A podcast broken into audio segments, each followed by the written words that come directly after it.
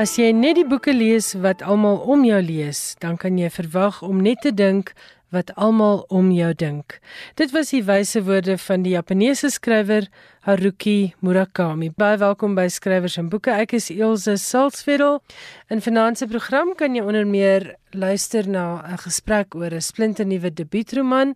Janita Fourie is hier om te gesels oor skryffoute wat skrywers en voornemende skrywers kan vermy en in Johan Meiburg se insetsel in die tweede helfte van finansie program is daar 'n stukkie voorlesing uit 'n boek wat meer as 50 jaar gelede geskryf is wat 'n mens se hande laat juk om dit net iewers te bestel en dadelik te begin lees. Ek is Elsje Salzveld, baie dankie dat jy ingeskakel is op skrywers en boeke. Maar nou eers meer oor die beloofde debuutroman. Jy luister na skrywers en boeke op RSG. Dis my groot voorreg om vir Suzette Kotse Meiburg, 'n ou bekende hier by Skrywers en Boeke terug te verwelkom. Sy praat vanaand met ons uit Seepunt waar sy gaan gesels met Jean-Pierre de Kok.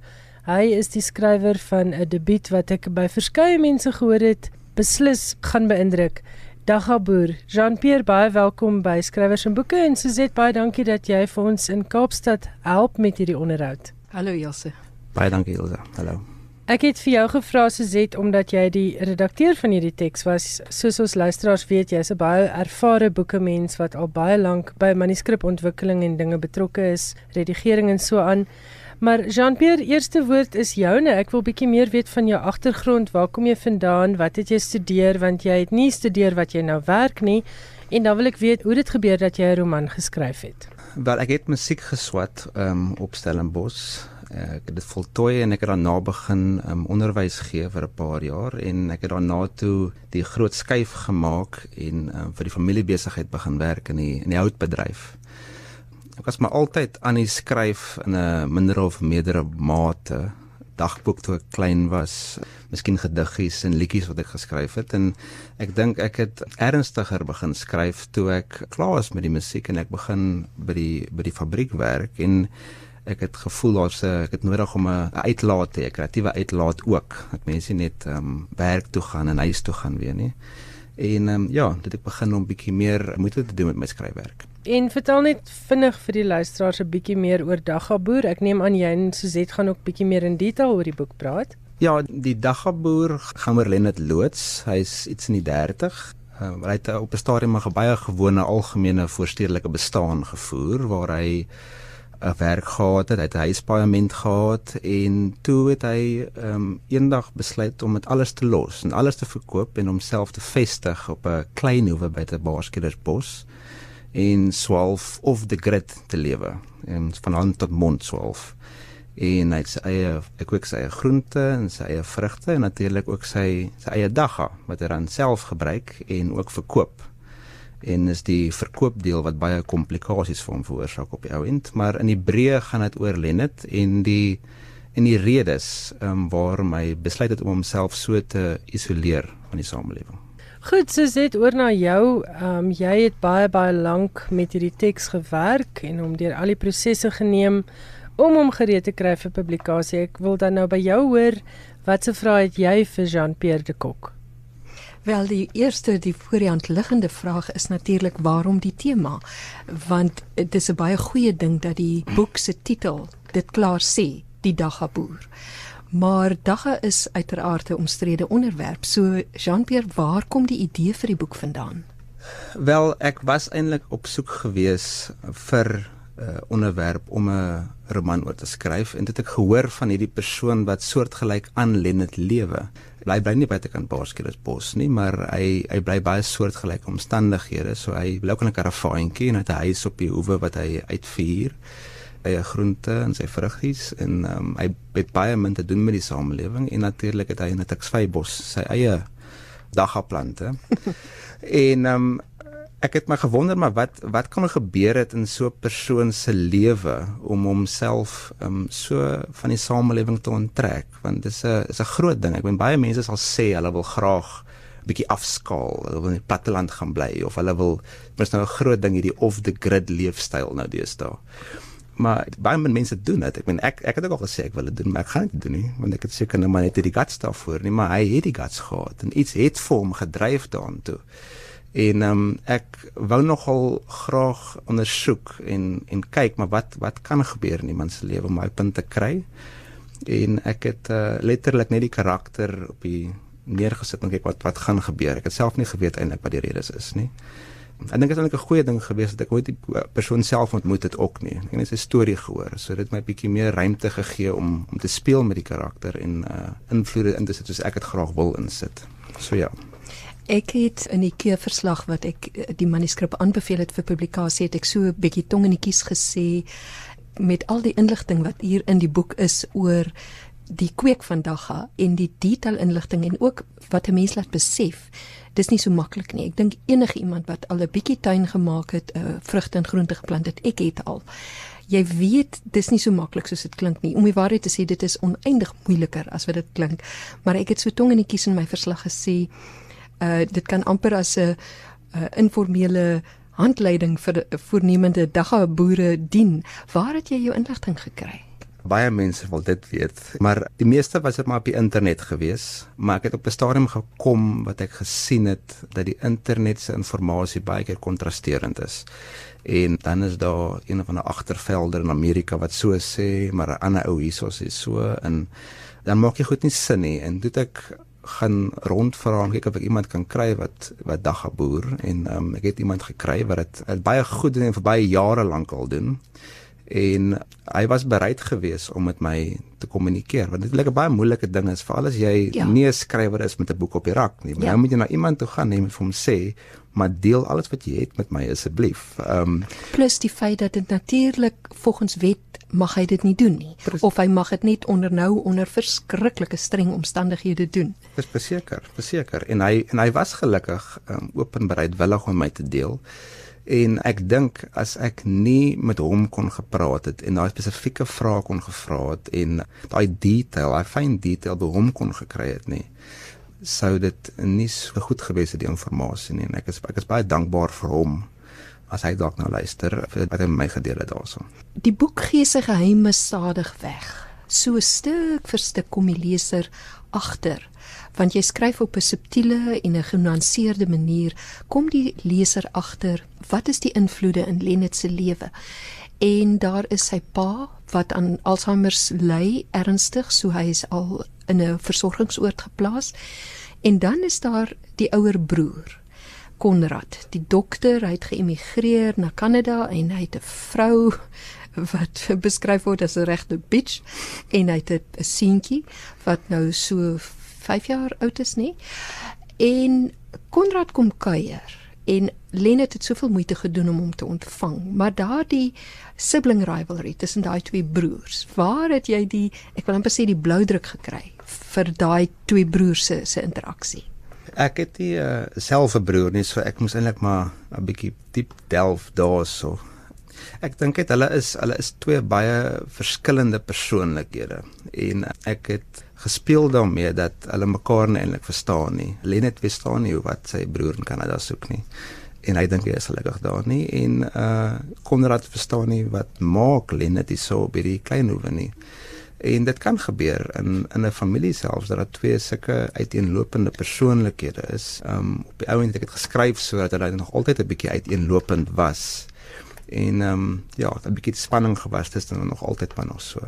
En deur middel van Konrad en Lenet se persoonlikhede en die karakters lewer jy 'n groot klomp sosiale kommentaar.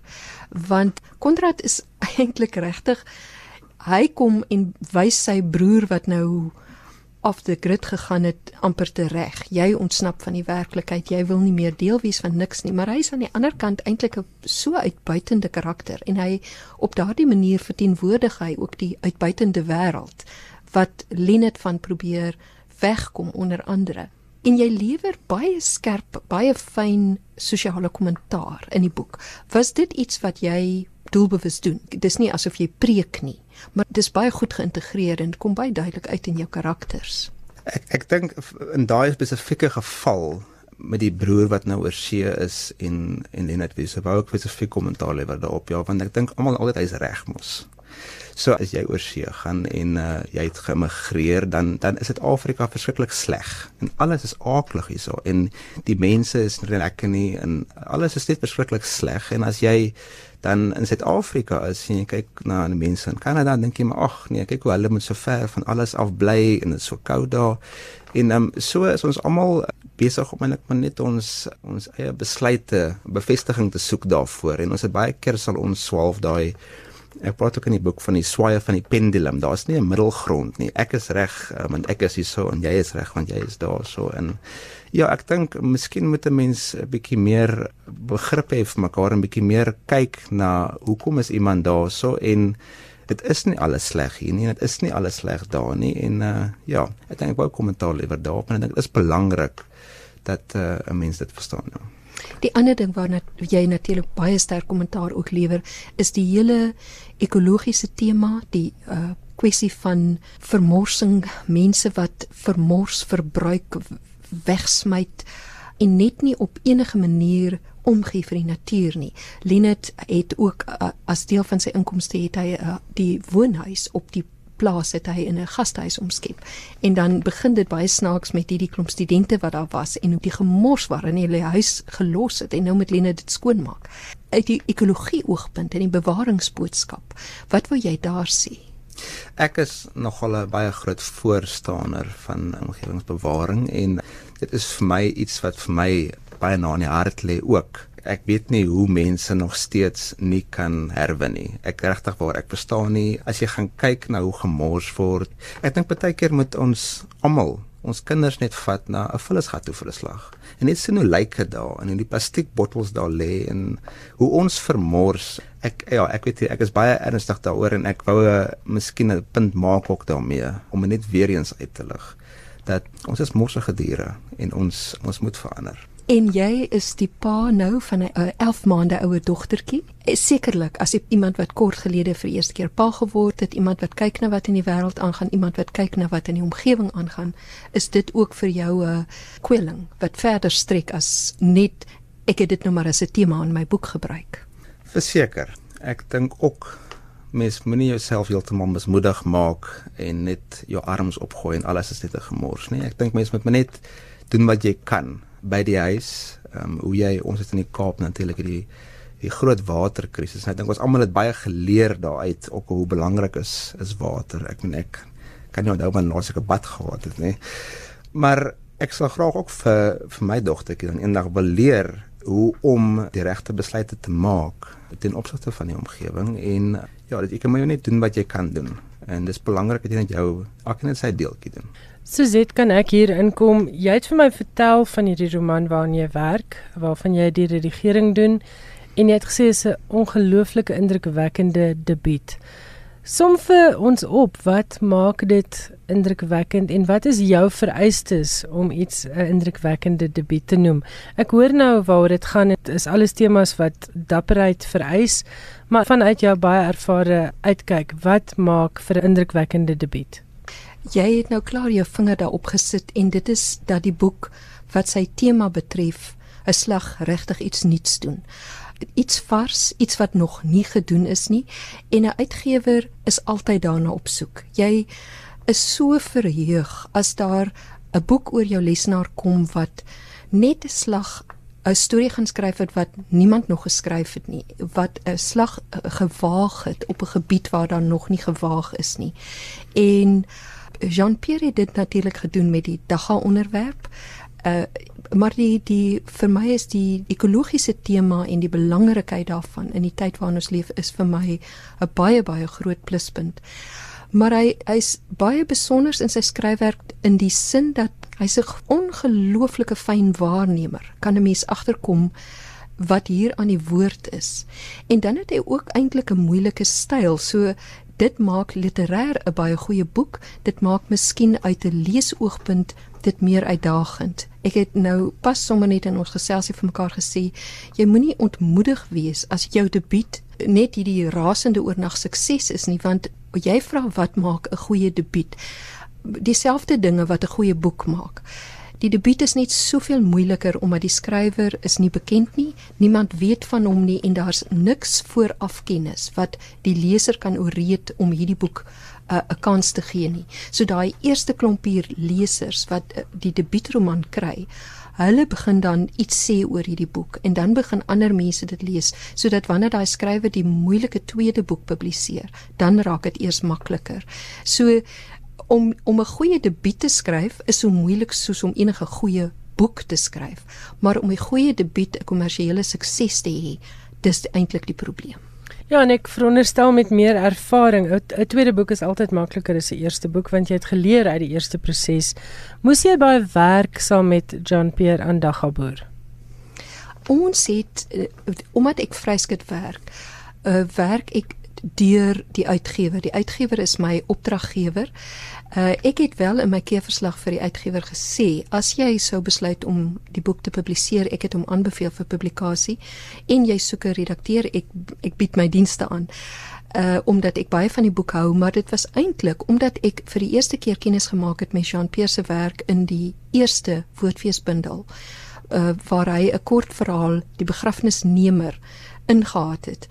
En die woordfeesbundel uh, se kompetisie is baie straf. So skrywers wat daar ingekom het, jy weet ek ek onthou hulle en die storie wat hy geskryf het, die begrafnisnemer, was so uh, let wel, nie die begrafnis ondernemer nie, die begrafnisnemer en in daai titel lê die hele sleutel tot die storie. En dit was so oorspronklik en hy het 'n goeie skryfstyl dat dit my bygebly het. So toe ek die manuskrip moet keur en ek kom te hore, okay, die skrywer is Jean-Pierre de Kock, toe sê ek, "Aha, ek weet van hom en hy is 'n skrywer wat uh ek voel wat die uitgewer in kan belê." Goed, goed. Maar terug na julle, ons het nog so 5 minute. Wat is daar nog wat jy vir Jean-Pierre de Kock wil vra so Z Kotse Meiberg? Die musiek loop natuurlik soos 'n goue draad deur jou boek en jy was nou erg beskeie teenoor Elsje jy het 'n honeursgraad in musiek en Lenet het 'n besonderse verhouding met met musiek en spesifiek dan die musiek van Dvorak. Uh vertel 'n bietjie hoe jy besluit het om die musiek so te integreer met die verhaal. Want dit was ook nie beplan gewees nie. Ek het op 'n stadium gekom dat ek gesien ek wil graag musiek inbring in die werk in en toe op die ou end het Dvorak se 9de simfonie en die vier bewegings die struktuur gevorm waar rondom die hele roman draai swaalf dis die vorm van die hele van die hele werk. Ek het eh, probeer om eintlik iets onmoontliks te doen en die in die musiek in te trek by die teks. Ehm um, en terwyl hy die musiek luister, jy kan nie die woorde lees nog steeds. Wat natuurlik 'n baie moeilike ding is aangesien dirigente verskillende tempos kies en mense verskillende maniere lees. Maar ek dink tog dat as jy die die boek sou lees en die musiek kan saam met dit luister, ehm um, en die cues volg soos waar die instrumente inkom dat 'n 'n verrykende ervaring kan wees. Daar's ook 'n skakel in die begin van die van die boek waarop jy kan ingaan en dan kan jy van die die snitte luister waarna Lenet luister, so half as hy oor die snitte dink. Maar ja, dit is nie beplan gewees nie, maar ek ek voel nogal dis 'n verrykende deel van die teks. En dit wys ook jy is 'n skrywer wat alles gebruik wat tot jou beskikking is want ek weet nou nie geweldig baie van jou uh autobiografiese besonderhede nie maar baie skrywers skryf oor dit wat hulle goed ken maar jy en ek onthou dat by die begrafnisnemer jou kort verhaal het ek al hierdie indruk gekry dat hierdie skrywer gaan en hy hy neem 'n karakter in daai geval was dit 'n fopdosser en hy gaan dink iets uit heeltemal plaas homself in 'n karakter se skoene asof jy dit van binne uit ken Die ander aspek wat in jou boek uh, opvallend is is hoe fyn jou natuurbeskrywings is en dan spesifiek die Strandveld gebied, Houston, uh, Hermanus Onrus, Frans Kraal, Baarskeersbos en jy sê op 'n punt sê Lenet die Strandveld is sy hartsplek. Jy het 'n koneksie met die Strandveld nie? Ek het ja, my oupa is gebore op op Baarskeersbos, hy het op 'n plaasie daar groot geraak en hy was tot in staan 6 in die in die skooltjie daar. Toe moes hulle mos na Kaap toe kom te kom werk. Hy is 'n French polisher op eintlik gewees. Maar sy dan het, het hulle altyd teruggekom Elkrasmond toe wat baie naby aan Boskersbos is om vakansie te kom hou. En later jare is my my pa saamgekom toe hy toe hy gebore is en op Ek het my oupa Frans in Franskraal 'n vakansiehuis gekoop waar ek die meeste van my kinderjare spandeer het en my ouma het my leer duik in daai waters anders as wat in die boek is. En ek het soms altyd vir my pa en my oupa gegaan as hulle vir die vir die mense op die plase gaan kuier het en gaan eie koop het. En en Hermanus in in daai dele het ons altyd met deurgery ook op pad swint. So ek het definitief ook 'n koneksie met daai plek en die in die fynbos waarnemings en so wat vir my ook belangrik geweest omdat ek eintlik ook 'n bietjie meer wou leer daarvan want ek want ek ken die plante, ek weet nie wat die name is nie en um, om die voëls beter te leer ken. So ja, ek ek is baie lief vir daai daai deel van die wêreld en uh was my lekker geweest om dit in die boek in te bring. Ek die oorspronklike daggeboer, die ou van wat ek in die begin vertel het, ry nie buitekant by Potgieter Bos nou nie, maar um, ek het nogal gevoel ek uh is bietjie meer vertroud met daai omgewing en dis hoekom ek vir hom in daai plek geplaas het. Ons het nou al net so geraak aan die moeilike kwessie van daai moeilike tweede boek. Skryf jy al aan iets anders? As mens eers begin het, is dit maar moeilik om op te hou eintlik. As mens nie iets het nie, dan dan soek jy maar iets. Maar ek is besig om te werk aan iets. Ek wil nie nou te veel daaroor praat nie, maar ja, mens kan nooit ophou net nie. Dit was Suzette Kotse Meiburg in gesprek met Jean-Pierre de Kok oor sy debuut Die Daggaboer. Jean-Pierre, dit klink vir my na 'n boek wat wye byval gaan vind. Geluk met die sterk temas wat jy bereid is om aan te spreek. En Suzette, baie dankie dat jy vir ons hierdie gesprek gelei het. Jy was die redakteur van Die Daggaboer. Baie dankie dat jy met ons kom gesels het op skrywers en boeke. Dankie Elsje. Dankie Ilse. Daggaboer word uitgegee deur Iman en Resou. As jy nou pas ingeskakel het, hierdie is RSG. Ek is Elsje Salzwetel en jy luister na skrywers en boeke. Baie welkom en dankie dat jy saam luister. Ek gesels vanaand weer met Janita Fourie. Ons het verlede week baie lekker gesels oor die algemeenste skryffoute wat skrywers gerus maar kan vermy. En ek is seker daarvan skrywers en voornemende skrywers gaan beslis baat vind by die lesse en wenke wat Janita vanaand met ons deel. Janita, baie welkom by Skrywers en Boeke en dankie dat jy weer gekom het. Dankie Ilse. Jong, vanaand praat ek nou ook onder andere oor dinge wat baie skrywers in boeke insit, soos woorde in Frans, Italiaans, Duits en natuurlik ons eie inheemse tale. En dan skryf hulle dit foneties soos hulle dit gehoor het. En dit is nie altyd te sê dat jou redigeerder weet wat is daai in Frans of Italiaans of daai want as daar iets in Italiaans op my tafel beland sal ek dit nie te groter gemors maak as vir dit is. Ook die swart tale die as jy vir jou huishulp of iemand vra hulle ken nie altyd die taal so goed nie. Hulle die taalreëls nie. Ja, ja ja. ja. So dit is nogal 'n belangrike ding. Kyk ook na die korreksies en veranderinge wat die redigeerder aangebring het in jou werk. Dis natuurlik waar dat dit ons werk as redigeerder is om foute reg te maak, maar hoe beter versorg 'n manuskrip is, hoe minder korreksies is nodig en hoe minder moontlikheid is daar vir foute in die finale weergawe. En onthou, redigeerders verander nie woorde of sinne net omdat hulle van 'n ander woord of iets hou nie. Dis oneties belê net speltoetse dit is dit is nogal baie geld werd vir 'n ou. Is daar een wat jy spesifiek kan aanbeveel? Weet jy die een van Potchefstroom? Ja, dis die ene wat alle joernaliste en skrywers maar gebruik wat in Afrikaans werk. Dit kry 'n mens by www.spel.co.za en dit kos R299, maar ek kan luisteraars verseker dit is elke sent werd. Spelfoute sorg vir die lagplooitjies om redigeerders se oë as jy dalk gewonder het hoekom ons lyk soos ons lyk. 'n Spelfout wat losweg 'n Olimpiese goue medalje wenner is, is die woord verrassing met een R waar verrassing met twee R eintlik bedoel word. Dis regtig baie komies as sy al deur die nag ry om haar ma op haar verjaarsdag te verras. Ander pryswenners is 'n leuen leen L E U N versus L E U E N wat 'n lieg is. Want as jy dan op 'n liegstoel gaan sit, beteken dit dan jy gaan terwyl jy daar sit net leuns vertel. En ly en ly L Y dink aan pyn, jy ly pyn en L E U is jy jy ly iemand of sê jy ly 'n hond aan 'n hond aan 'n leiband. Nou wat baie mense wat ek baie keer kry is hulle het skade gelym.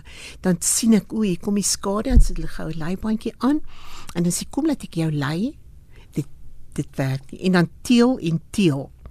Ek en my man het so rukkie gelede het ons 'n advertensie gelees wat hulle geskryf het van daar is 'n nuut geteelde kombuis, maar sonder die die Sonder omlaag. die omlaag, ja. En toe sit nou hy's geteel toe sê ek van Jesus ons moet maar mooi hoor waar kan mense kombuis laat teel want ons kombuis weet Julle kort 'n nuwe kombuis. nuwe nuwe kombuis wonderlik dan ons laat hom teel jy weet Dit laat mense dink aan iets soos 'n 3D drukker wat dalk die kombuis geteel het. Geteel, ja natuurlik ja. so daarin moet mense dalk belê Goed. Die woord dat is ook nogal kontroversieel hoewel ons op skool geleer het om dat kwistig te gebruik en dit natuurlik nie verkeerd is nie. Kan skrywers gerus onthou om sy vlekkies maar 'n bietjie te knip, want hy het metterjare baie voor op die wa geword. Byvoorbeeld, sy weet dat sy dit gedoen het. Kan jy vervang met sy weet sy dit gedoen. Of hy is seker dat hier 'n skroef los is teenoor hy is seker hier is 'n skroef los. Weet dit maak dit net meer kompak en En modern, Ja, modern. modern, ja. ja. Die dat konstruksie is nie verkeerd nie. Maar onthou as die dat uitgehaal word, verander die woordorde na gelang daarvan. So as jy die dat uithaal, lees net jou sin weer 'n keer oor om te kyk of daar nie 'n ekstra woordjie iewers in gebly het nie. Dan daar is en daar het Dit is nog 'n konstruksie wat 'n mens grootliks kan skrap om jou teks meer afgerond te maak. Hier is 'n voorbeeld uit 'n onlangse manuskrip. Daar het ver oggend 'n brand in die gastehuis uitgebreek. Die skrywer kon gesê het 'n brand het ver oggend in die gastehuis uitgebreek. Dis meer onmiddellik. Mm, mm. Of daar's baie mense vandag hier, wie daar en hier teenoor hier is vandag baie mense. En een ding wat ook vir my nogal baie snaaks is wat die mense gewoonlik sê is hy knik met sy kop. Ek weet nie waarmee anders kan jy knik nie. Ja. Ek haal die kop uit. 'n Ander woord wat al meer in onbruik raak is gewees. Kyk na die voorbeeld. Dit was 'n lekker partytjie gewees teenoor dit was 'n lekker partytjie. Die gewees is onnodig. Ook sy was destyds in graad 11 gewees wat nie verkeerd is nie teenoor die vaartbeleide uh sy was destyds in graad 11. Ook begin is 'n grootliks onnodige woord. Die voorbeeld is hy begin opstaan teenoor hy staan op. Dis natuurlik heeltemal reg as die persoon begin opstaan en iets keer hom om heeltemal op te staan of iemand druk hom vas of wat ook al. Met ander woorde, dan is dit 'n deel van die storie wat jy Ja, skets. ja, dan kan jy nie sê hy staan op en dan weet hy begin opstaan maar Maar dan val hy iets. of iemand druk Ja. hom terug of hy bedink homself of wat ook Ja, al. Goed. ja. Dan is daar wat ons noem stopwoorde of darlings. En dit is iets wat uit die spreektaal uitkom. Ek dink omtrent elke mens het, het sulke darlings. En dit is 'n geliefkoeste woord of woorde wat die skrywer ruimskoots gebruik en wat uitgehaal kan word. Voorbeelde hiervan is net of toe, maar, so, nou. Weet dit dis gooi dit oralster in. En En- weer eens dis nie verkeerd nie, maar dit Nee. raak irriterend as jou Ja, hele ja. manuskrip wemel daarvan. Ja, of jy sê, nou wat het jy nou weer gedoen? Nou wat het jy nou weer gedoen? Mm. Dit is te veel. Wat het jy nou weer gedoen? Jou oog sien twee no's in 'n klein ruimte Ja, en dit veroorsaak leesverwarring. maar as jy net gesels en sê, nou wat het jy nou weer gedoen? Dan dit is soos jy praat. Ja. Maar jy moet net 'n bietjie meer intrek by die skryfwerk. En jy moet ook nie alles voor die voet uithaal nie, maar kyk gerus wanneer dit onnodig gebruik word. En Janita, ek dink jy het ook by daardie Indaba gesê tensy dit by jou karakter pas. Met ander Ja, woorde, as jou karakter ja. vreemd praat of eksentrieke taal gebruik, O ja. dan los jy dit, maar dan Ja. kom dit in die woorde van die karakter. Dan is dit nie Ja. deel van jou beskrywing in jou manuskrip self nie. Ja. En selfs as 'n snaakse manier van dinge sê ook of weet sien maar het ver oggend vroeg opgestaan en dan eh, elke keer praat sy so. Sy sê nooit ek nie. Jy weet dit is haar spraak, haar manier van van van praat. En dan los jy dit so want dit is so sy praat, maar nou nie almal nie. Nie Ja, die hele boek die se mense die kan nie so die praat nie. en die boetie en almal. Nee. Ja, ja. Ander woord wat nou 'n 'n gogga wat in ons taal ingeslyp het is doen. Dis 'n direkte vertaling van die I do, weet ek doen in Engels. Maar in Afrikaans werk dit nie so nie. Doen is 'n oorganklike werkwoord en dit kan nie alleen gebruik word nie. Jy kan iets doen of niks doen nie. Jy kan 'n paar goedjies in die huis doen. Maar dan moet altyd 'n antwoord op die vraag wees: wat doen jy? En omdat ons so gewoond geraak het in I do, sê ek ek doen. Ek ek is self skuldig daaraan. En hierdie is ook nog 'n Engelse goggatjie wat by ons ingetrek het. Hierdie is 'n aanwysende voornaamwoord. Met ander woorde, dit moet saam met 'n selfstandige naamwoord gebruik word. Net soos doen, kan dit ook nie alleen gebruik word nie. In Engels kan dit natuurlik net so op sy eie gebruik word, maar in Afrikaans moet ons op ons hoede wees. In plaas van om te sê hierdie is 'n lekker partytjie, sê liewer dit is 'n lekker partytjie. Of hierdie partytjie is darm nou lekker, maar dit Ja, moet hierdie ja. partytjie wees. Ander een wat ek ook nogal vermy, ek sê dit in die ware lewe ook vermy, is die stomende koppie koffie. Hy kom in verstommend baie manuskripte voor. Ek verander dit deurgangs na 'n koppie stomende koffie. Want as jy so 'n stomende koppie vashou, gaan jy jou hande brand, ek sê jou nou.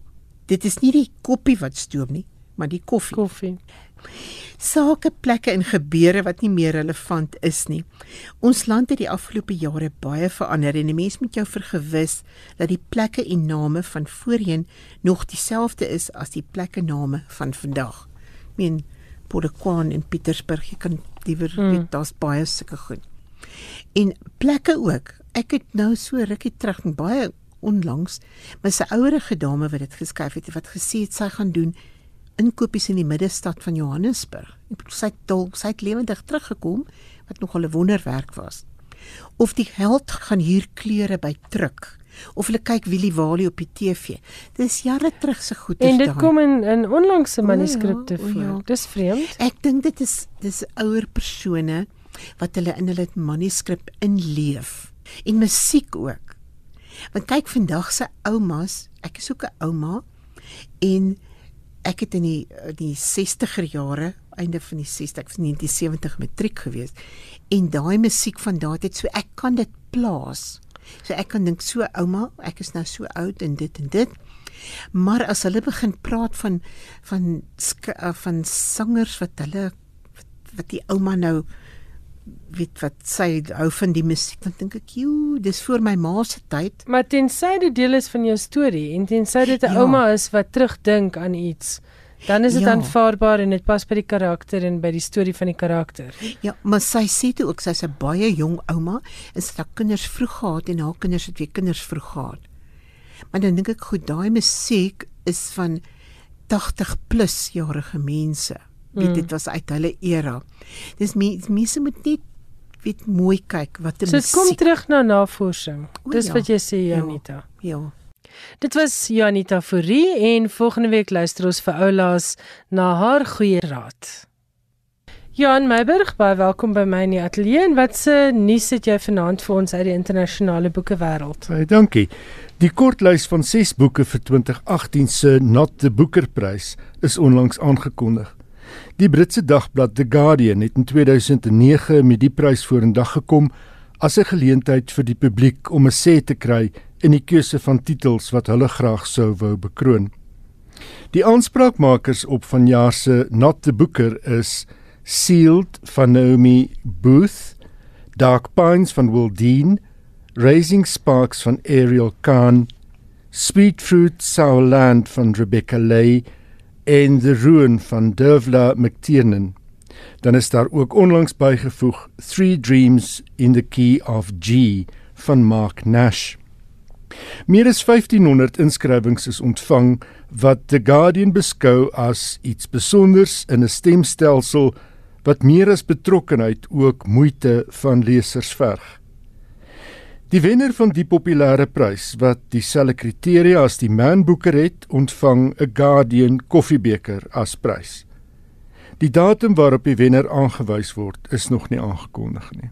Dit bly vir my 'n interessante manier van ook uiting gee aan gewone lesers se menings. Dit lyk vir my dit kom al meer en meer na vore dat die publiek dan minstens 'n deel van die stemproses uh, dat hulle daarbey betrokke is. Ek wonder wanneer gaan ons so iets in Afrikaans kry? Die enigste soortgelyke ding waarvan ek in Afrikaans weet is die ATKV se kinderboekpryse waar hulle vir kinders landwyd Dis reg. via biblioteke die kans gee om te stem vir hulle gunsteling kinderboeke van die vorige jaar. Maar ek weet nie van iets Ek anders wat van vir Afrikaanse O ja ja, nou onthou ek van iets. Die Lekker Lees Boekrak op Facebook kies al die afgelope paar jaar op dieselfde demokratiese manier 'n boek van die jaar. Ek dink hulle noem dit die Lekker Lit leesboek en almal op Lekker Lees Boekrak kry kans om 'n boek te nomineer en dan word daar uiteindelik vir die finale bestes van die Afrikaanse boeke gestem. Nou het jy vir ons iets oor 'n skrywer wat tereg as 'n baanbreker in haar era beskou kan word wat vanjare 100 jaar oud sou wees en wie se lewe en literêre nalatenskap gevier word. Die Skotse skrywer Day Muriel Spark het 'n soort skryfwerk wat in die algemeen van vroue verwag word, verander. Dis die mening van die skrywer Janice Galloway wat verlede week 'n voordrag oor Spark gelewer het by die aanvang van vanjaar se Edinburgh Internasionale Boekefees. Spark se geboortedag van jaar 100 jaar gelede is ook by die geleentheid gevier. Sy is in 2006 dood in Italië waar sy jare lank gewoon het. Spark het haar na die Tweede Wêreldoorlog gevestig as skrywer, eers met poësie en literêre kritiek. In 1947 het sy redakteur geword van Poetry Review. In 1957 het haar eerste roman, The Comforters, verskyn. Die roman oor 'n jong vrou wat daarvan bewus word dat sy 'n karakter in 'n roman is, wemel van verwysings na die Rooms-Katolieke godsdiens. Die feit dat sy in 1954 Rooms-Katoliek geword het, was volgens haar bepalend in haar ontwikkeling as skrywer. Sy het gemeen die stap het haar selfvertroue gegee. Maar dit was met The Prime of Miss Jean Brodie van 1961, haar sesde roman, waarmee sy 'n deurbraak behaal het. Die roman speel af in die Edinburgh van die 1930s met Jean Brodie as die inspirerende, ergerlike onderwyseres wat haar leerlinge, the crème de la crème, blootstel aan Renaissance skilderye en Mussolini. Die boek is ook met welslae verfilm. Haar skryfstyl was direk en skerp. John Updike, haar medeskrywer, het na haar sweet sting verwys. 'n Sting wat sy toegedien het in besliste genadeloose prosa. Haar romans is dikwels nie meer as 100 bladsye nie.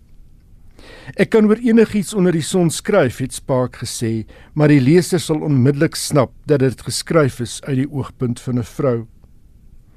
In haar voordrag op die Edinburgh Fees het Galloway gesê wat veral uitstaan in Spark se skryfwerk is dat sy nie doekies omdraai nie, daar's geen pretensie nie. Haar werk word dikwels as blaatant ervaar, het Galloway voortgegaan. Maar ek reken dis gewoon omdat sy as vrou in 'n skryfwêreld van mans van daardie tyd haarself wou wees sonder om voor te gee. Spark is in 2010 benoem vir die Lost Man Boekerprys vir haar roman van 1970 The Driver's Seat. Die eenmalige prys is deur 'n openbare stemming in 1970 toegeken vir boeke wat daardie jaar verskyn het. As gevolg van die pryse reëls wat daardie jaar verander het, het boeke wat in 1970 verskyn het, nie in aanmerking gekom vir die Boekerprys nie. Die spesiale Boekerprys, genoem dan The Lost Man Booker, is daardie jaar toegeken aan J.G. Farrell se Troubles. Hier's 'n kort voorlesing deur Lisenska Kirkcaldy uit Muriel Spark se The Prime of Miss Jean Brodie. The boys, as they talked to the girls from Marcia Blaine School, stood on the far side of their bicycles, holding the handlebars, which established a protective fence of bicycle between the sexes, and the impression that at any moment the boys were likely to be away. The girls could not take off their Panama hats because this was not far from the school gates, and hatlessness was an offence. These girls formed the Brody set. They were discovered to have heard of Mussolini, the Italian Renaissance painters, the word menage. The interior decoration of the London house of the author of Winnie the Pooh had been described to them as had the love lives of Charlotte Bronte and of Miss Brodie herself. They were aware of the existence of Einstein and the arguments of those who considered the Bible to be untrue. They knew the rudiments of astrology, but not the date of the Battle of Flodden or the capital of Finland. All of the Brodie set, save one, counted on its fingers, as had Miss Brodie, with accurate results, more or less. Now, at sixteen, Monica Douglas was a prefect, famous mostly for mathematics, which she could do in her brain, and for her anger, which, when it was lively enough, drove her to slap out to right and left. Since she had turned sixteen, Monica wore her Panama hat rather higher on her head than normal, perched as if it were too small, and as if she knew she looked grotesque in any case. Rose Stanley was famous for sex. Her hat was placed quite unobtrusively on her blonde short hair, but she dented in the crown on either side. Eunice Gardiner, small, neat, and famous for her sprightly gymnastics and glamorous swimming, had the brim of her hat turned up at the front and down at the back. Sandy Stranger wore it turned up all round and as far back on her head as it could possibly go. She was merely notorious for her small, almost non existent eyes, but she was famous for her vowel sounds, which, long ago, in the long past in the junior school, had enraptured Miss Brodie. Along came Mary McGregor, the last member of the set, whose fame rested on her being a silent lump, a nobody whom everybody could blame. Six years previously, Miss Brodie had led her new class into the garden for a history lesson underneath a big elm. If anyone comes along, said Miss Brodie, in the course of the following lesson, remember that it is the hour for English grammar. Meanwhile, I will tell you a little of my life when I was younger than I am now, though six years older than the man himself. She leaned against the elm. It was one of the last autumn days when the leaves were falling in little gusts. They fell on the children, who were thankful for this excuse to wriggle and for the allowable movements in brushing the leaves from their hair and laps. Season of mists and mellow fruitfulness. I was engaged to a young man at the beginning of the war, but he fell on Flanders Field. He fell like an autumn leaf, although he was only twenty-two of age. He was poor. He came from Ayrshire, a countryman, but a hard-working and clever scholar. He said, when he asked me to marry him, we shall have to drink water and walk slow. That was Hugh's country way of expressing that we would live quietly. We shall drink water and walk slow. What does the saying signify, Rose? That you would live quietly, Miss Brodie said Rose Stanley, who, six years later, had a great reputation for sex. The story of Miss Brodie's failed fiancé was well on its way when the headmistress, Miss Mackay, was seen to approach across the lawn. Tears had already started to drop from Sandy's little pig-like eyes, and Sandy's tears now affected her friend Jenny, later famous in the school for her beauty, who gave a sob and groped up the leg of her knickers for her handkerchief. Dit was 'n kort uittreksel uit Muriel Sparks se The Prime of Miss Jean Brodie. 'n Konstruksiespan in Keulen in Duitsland het op 'n 2000 jaar oue biblioteek afgekom tydens uitgrawings vir 'n nuwe parkeerterrein. Die fonds in die ou deel van die stad het argeoloë, bibliofiele en geskiedkundiges gaande. Dit kan moontlik die oudste biblioteek in Duitsland wees. Argeoloë het aanvanklik gemeen hulle het afgekom op 'n openbare ruimte totdat hulle besef het daar's heelwat nisse in die mure. Die nisse is kenmerkend van biblioteke uit die tyd, soos die van die biblioteek in Efese, het een van die kenners gesê. Die biblioteek dateer van die 2de eeu, die sogenaamde goue eeu van die Romeinse ryk, en is waarskynlik dieselfde tyd gebou as die biblioteek van Celsus in Turkye. Soveel as 20000 perkamentrolle is glo in die Keulen biblioteek geberg wat intussen vergaan het natuurlik. Die biblioteek is dus aansienlik groter as heelwat van die biblioteke van sy tyd, maar dan aansienlik kleiner as die een in Alexandria. Wat presies die inhoud van die boekrolle was, berus op spekulasie. Maar op sterkte van ander soortgelyke biblioteke kan 'n mens verwag dat dit rekord sou insluit geskiedenis, wetenskaplike manuskripte, filosofie en werke uit die Griekse en Romeinse letterkunde. Baie interessant, soos gewoonlik Jan Meiburg, baie dankie. Baie dankie. Ons gesels dan binnekort weer. Ongelukkig is dit nou tyd om te groet, maar baie dankie dat jy saam geluister het. Volgende Woensdag aand om 8:00 is ek terug en dan gesels ek met Philip De Vos, 'n baie bekende hier by skrywers en boeke. Ek gaan met hom en sy tekenmaat, as 'n mens hom so kan noem, Piet Grobler, gesels oor al die projekte waaraan hulle al saamgewerk het. Philip De Vos en Piet Grobler is 'n gedigte span as dit kom by Afrikaanse boeke. Tussen hulle het hulle al meer as 'n dosyn boeke geskep. Philip is die skrywer en Piet is die illustreerder. Kom luister gerus na hierdie baie interessante gesprek. Tot ons weer gesels volgende Woensdag aand om 8uur. Groete van my, Elsje Salzwetel. Ek hoop jy geniet die res van jou aand daar voor die radio en ek hoop jy het heerlike boeke om te lees in die week wat voorlê. Totsiens.